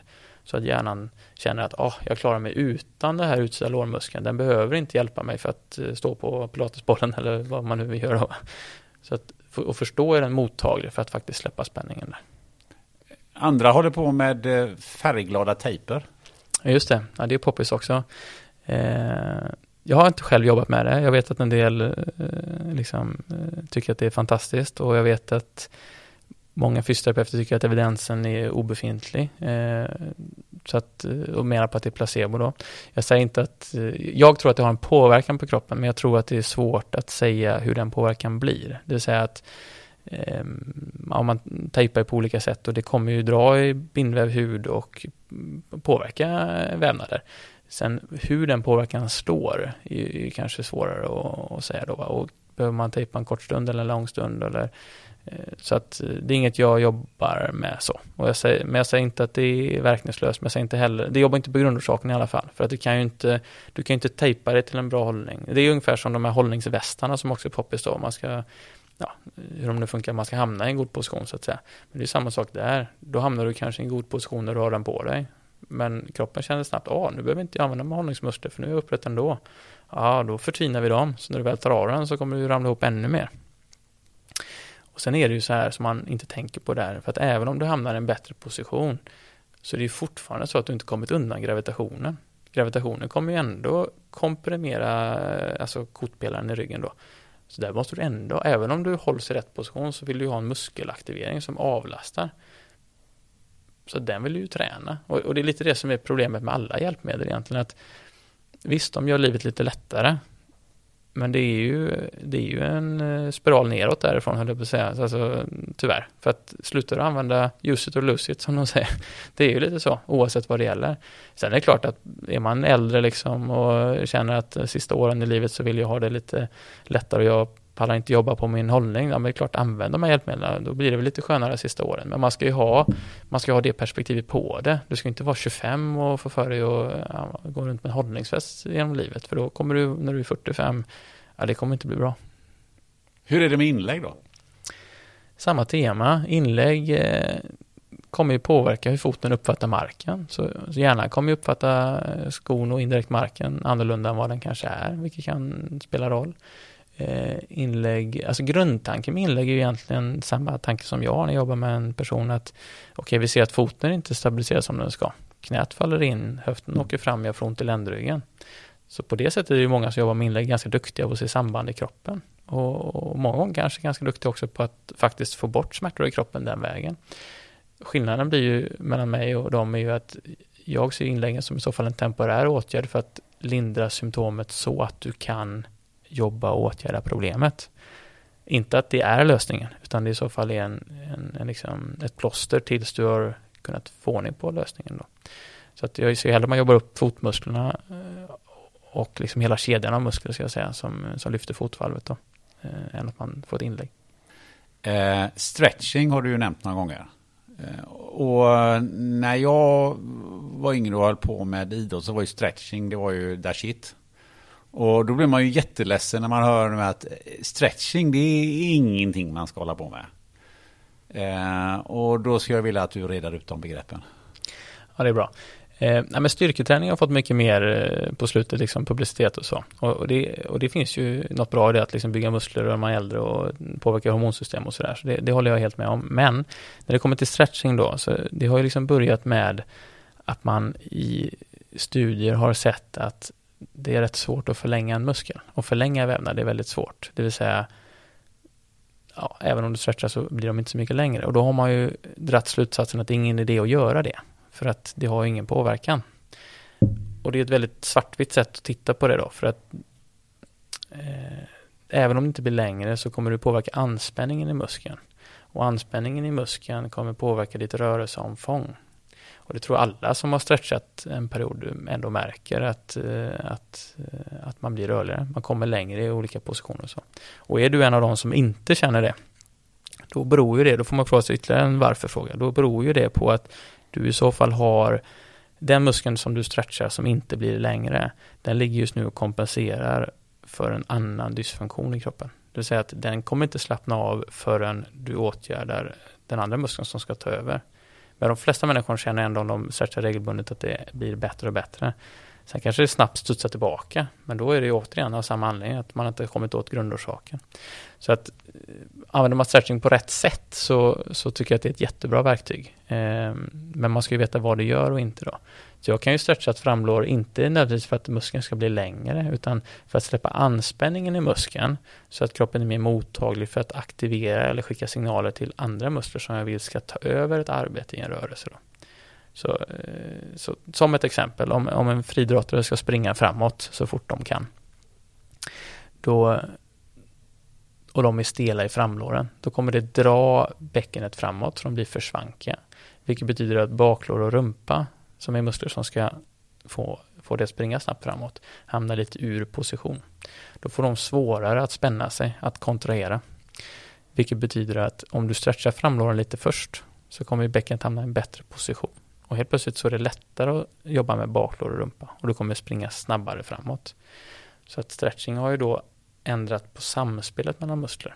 Alltså du har släppt anspänningen på framsidan och får en mer påkoppling på baksidan som en effekt av. Sen är det klart, det finns vissa studier som tittar på, om man tittar på eh, framrådet i sig, så har man kanske tappat lite explosivitet och tittar man på att muskeln faktiskt inte har blivit längre då, om man liksom tittar på vävnaden, då, då kan man ju dra slutsatsen att det där inte behövs.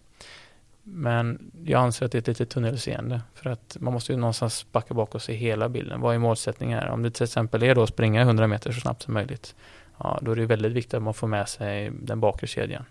Och om den främre kedjan då ligger i vägen för att den är för anspänd, ja då kan stretching vara ett sätt att nollställa det förhållandet. Då. Så att eh, jag skulle ändå, summa summarum, stretching är bra om det används på rätt sätt. Bra. Eh, som sagt var, nu, nu har vi varit inne och grottat i, eh, i muskler och i, i, eh, man ska säga, i, i det nära perspektivet. Och du pratar ju om det globala perspektivet utifrån att eh, du tittar på hur saker och ting hänger ihop och inte tittar på just på en, på en, på en skada. Så jag tänkte att vi ska lyfta oss i det globala perspektivet i våran, vårat samtal här på slutet. För att eh, du har ju varit och, och touchat lite vid skolan och, och vid de här, eh, och, och, att vi sitter för mycket och så vidare. Men, men det här blir ju någon sorts samhällsproblem i slutändan. För jag vet ju inte hur många sjukskrivningar vi har på grund av ryggproblem och, och, och andra problem. Hur ser du på det? För du ser ju det dagliga. Ja, nej, men det är, det är ett växande problem. Man har ju alltid lite olika siffror, men jag hörde någon siffra på att 70 procent av de som söker till närhälsan, alltså första vårdinstansen, söker för problem kopplat till rörelseapparaten. Det är alltså typ knä, ryggont och, och de här olika delarna. Då, va? Eh, och det är ju det är ett jätteproblem. Och, alltså jag brinner ju för det jag gör för att jag tror vi måste hitta en förändring här. Och jag tror vi måste hitta en förändring på samhällsnivå. Och, och, vi måste nog titta lite på, på vissa grundantaganden inom, inom rehab också. Vi har ju pratat lite om några av de grejerna, till exempel att stärka framlåret vid knäskador. Det kanske inte är riktigt så enkelt. Så jag tror ju tror egentligen att vi människor som samhälle kanske står inför ett, en förändring där i tankesätt. Eh, inte bara då inom mitt område, även ja, funktionsmässigt är på frammarsch. Om man tittar liksom på grundorsak inom den delen och, och, jag tittar lite mer på grundorsak i rörelseapparaten. Så jag tror att vi, vi måste börja våga oss nyfiket ställa frågan varför lite, lite mer kanske som, som samhälle. För det här börjar ju i, i skolan skulle jag säga. Eh, om vi nu pratar rörelseapparaten. Men det är klart att även där kan man ju filosofera kring kost och allt möjligt, även i liksom vad får eleverna för mat och sådär. Så att det, vi, vi står inför en utmaning, helt klart. Ehm. Men hur, eh, hur skapar vi den här förändringen? Vad, vad kan vi göra i skolan till exempel? Ehm, jag har utbildat en del idrottslärare, alltså mm, man kan gå en kort kurs eh, i detta hos mig om man vill. Eh, det finns två, två steg, man kan gå steg ett och steg två och några idrottslärare har gjort detta. Och de har rapporterat tillbaka väldigt fina effekter. Då har de gjort sådana här posturala övningar då med, eh, med idrottsklassen och ehm, det finns även lite motoriskt integrerande övningar där man jobbar med koordination och, och, och hjärnhalvorna och sådär som gör att ehm, att man ofta får lite mer energi och lättare att tänka. Vi pratade om koppling kognition och, eh, och eh, motorik förut då i utvecklingsstadiet och det verkar mycket tyda på att det samspelar. Det finns ju också mycket forskning på att om man konditionstränar så hjälper det hjärnan på många sätt och sådär också. Då. Så att jag har fått jättefina rapporter om att eh, ungdomarna då kan vara med på mer idrott, för många har ju faktiskt ont och kan inte vara med på idrotten idag i unga åldrar. Det är jättevanligt får jag höra. Eh, så att jag tror ju liksom på, dels på det, att faktiskt utbilda idrottslärare i ökad förståelse. Jag tror på mikropauser i skolan. Jag tror att man bör titta på, kan man sitta mer på huk istället? Kan man sitta på golvet? Kan man stå? Eh, kan man eh, hitta på olika sätt att det inte blir det här monotoma sittandet på stolar? Jag, jag tror man måste börja den änden också. Ja, för jag tänker på, åtgärdar man saker i skolan, men, men vad gör man på kontoret till exempel? Hur, hur, hur, ser ett framtida kontor ja. ut om, om du får visionera lite? Ja, Nej, men eh, det är en väldigt spännande fråga. Jag har ju varit på flera företag och, och så att säga, föreläst om ergonomi och, och man kan tänka på. Och det finns ju mycket man kan tänka på även om man fortsätter sitta så att säga. Alltså övningar man kan göra sittande som ändå hjälper eh, hållningsmuskler och så om man, om man nu pratar små förändringar. Eh, att tänka kring liksom hur kan vi göra om hela kontorsmiljön, det, det är ju en rätt stor fråga men, men eh, och det enkla svaret är ju samma sak där, att man får, eh, får titta på hugsittarna och sådana saker. Samtidigt så är det ju, det är ju svårare med en vuxen population för de har ju ofta hunnit tappa förmågan att, att titta på huk. Jag brukar alltid när jag föreläser be alla prova att sätta sig på huk och det är ju varierande om vi säger så. Hur många klarar att sitta på huk skulle du vilja säga i snitt? Ja, det är absolut inte mer än 50 procent i alla fall. Det är ju under det. Jag skulle snarare gissa 30-40 procent om jag, om jag går på de, de föreläsningar som, som jag håller när jag får be, be folk göra det. Så att um, sen får man komma ihåg att en del kan vara väldigt överrörliga, alltså man, man kan sitta på huk för man är väldigt rörliga fotleder, men man gör det ändå inte alltså med rätt påkoppling i musklerna, utan man mer hänger i lederna och då är inte det heller ett, ett optimalt uh, sätt. Då. Så att, äh, framtida kontor det är, en lite, det är en svår eh, nöt att knäcka men man, man måste i alla fall hitta förändring. Jag är gärna med och spånar om det. mm, för, för jag undrar ju också, varför finns det inte fler eh, som du?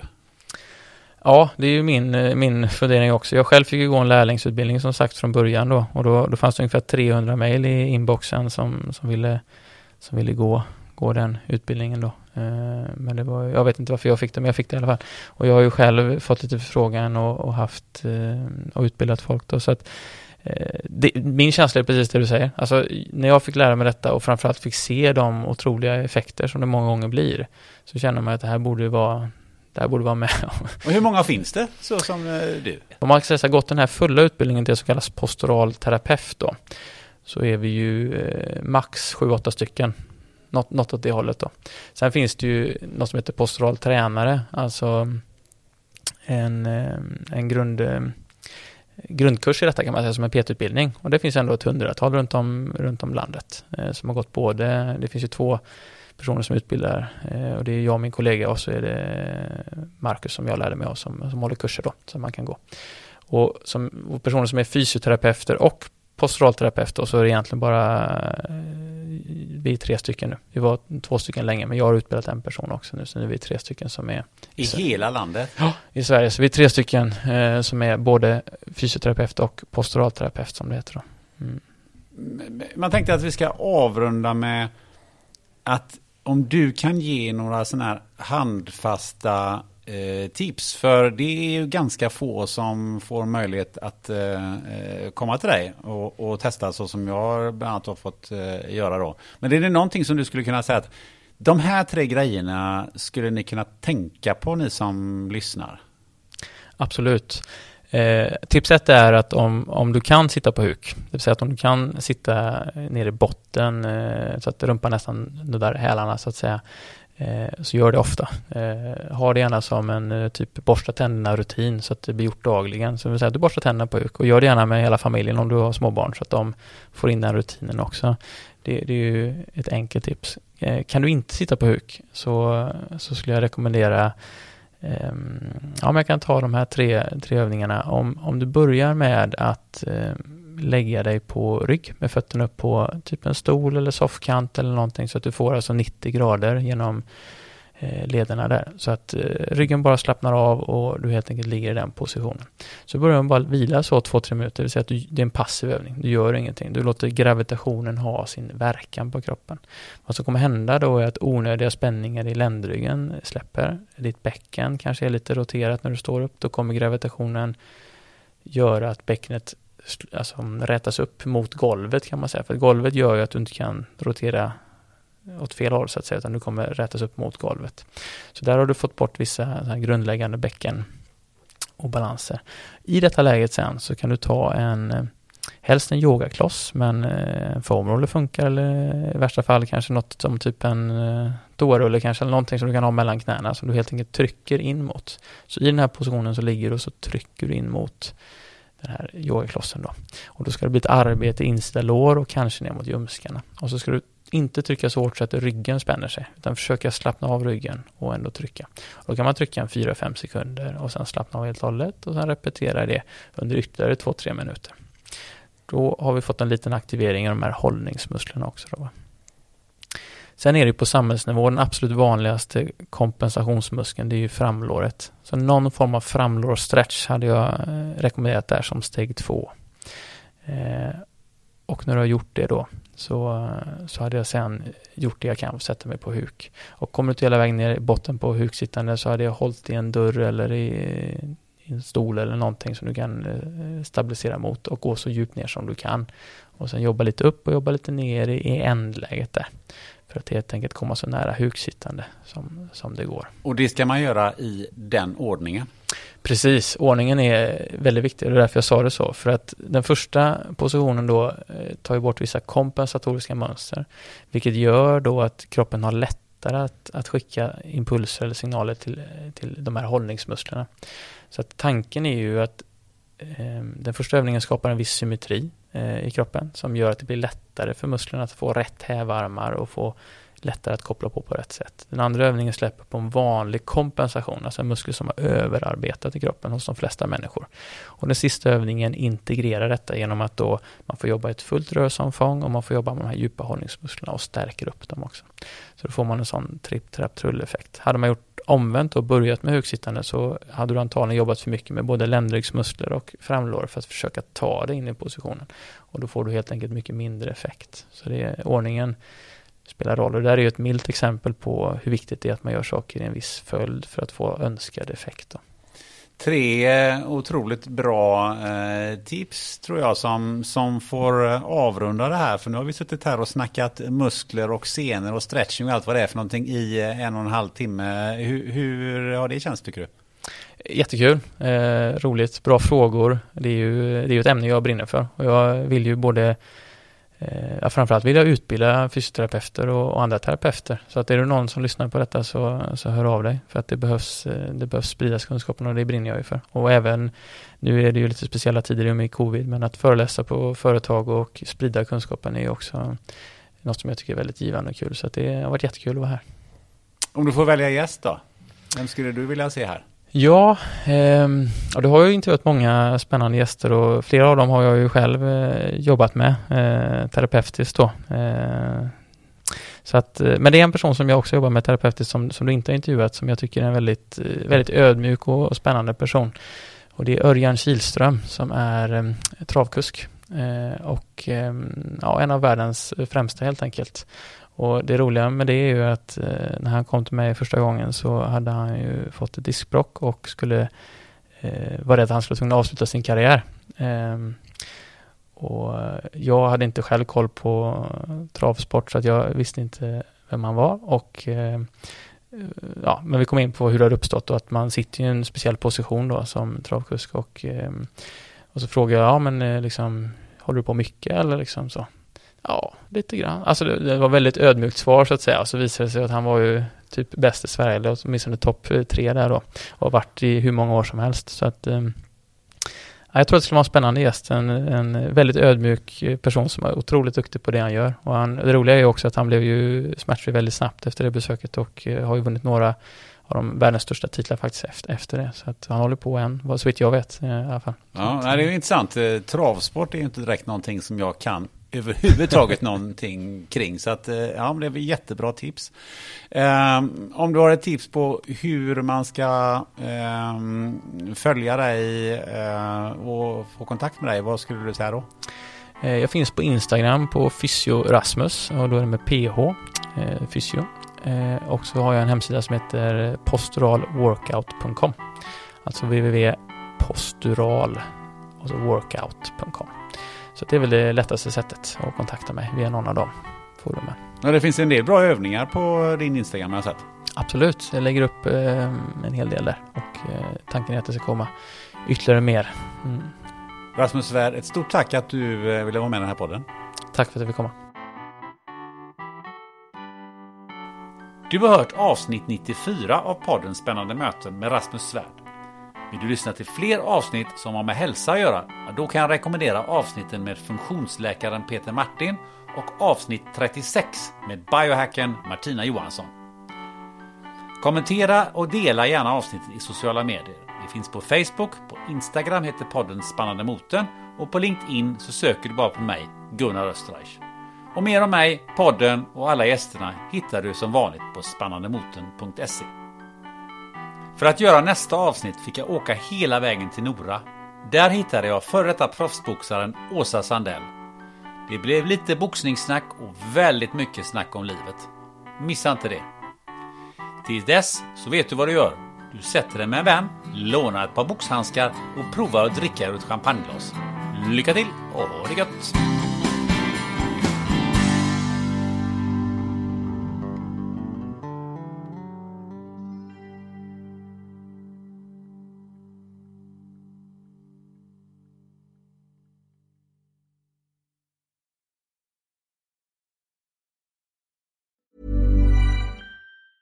Hi, I'm Daniel, founder of Pretty Litter. Did you know cats tend to hide symptoms of sickness and pain? I learned this the hard way after losing my cat, Gingy. So I created Pretty Litter, a health monitoring litter that helps detect early signs of illness by changing colors, saving you money and potentially your cat's life. Pretty Litter is veterinarian developed, and it's the easiest way to keep tabs on your fur baby's health right at home. Go to prettylitter.com and use code ACAST for 20% off your first order and a free cat toy. Terms and conditions apply. See site for details. Ever catch yourself eating the same flavorless dinner three days in a row?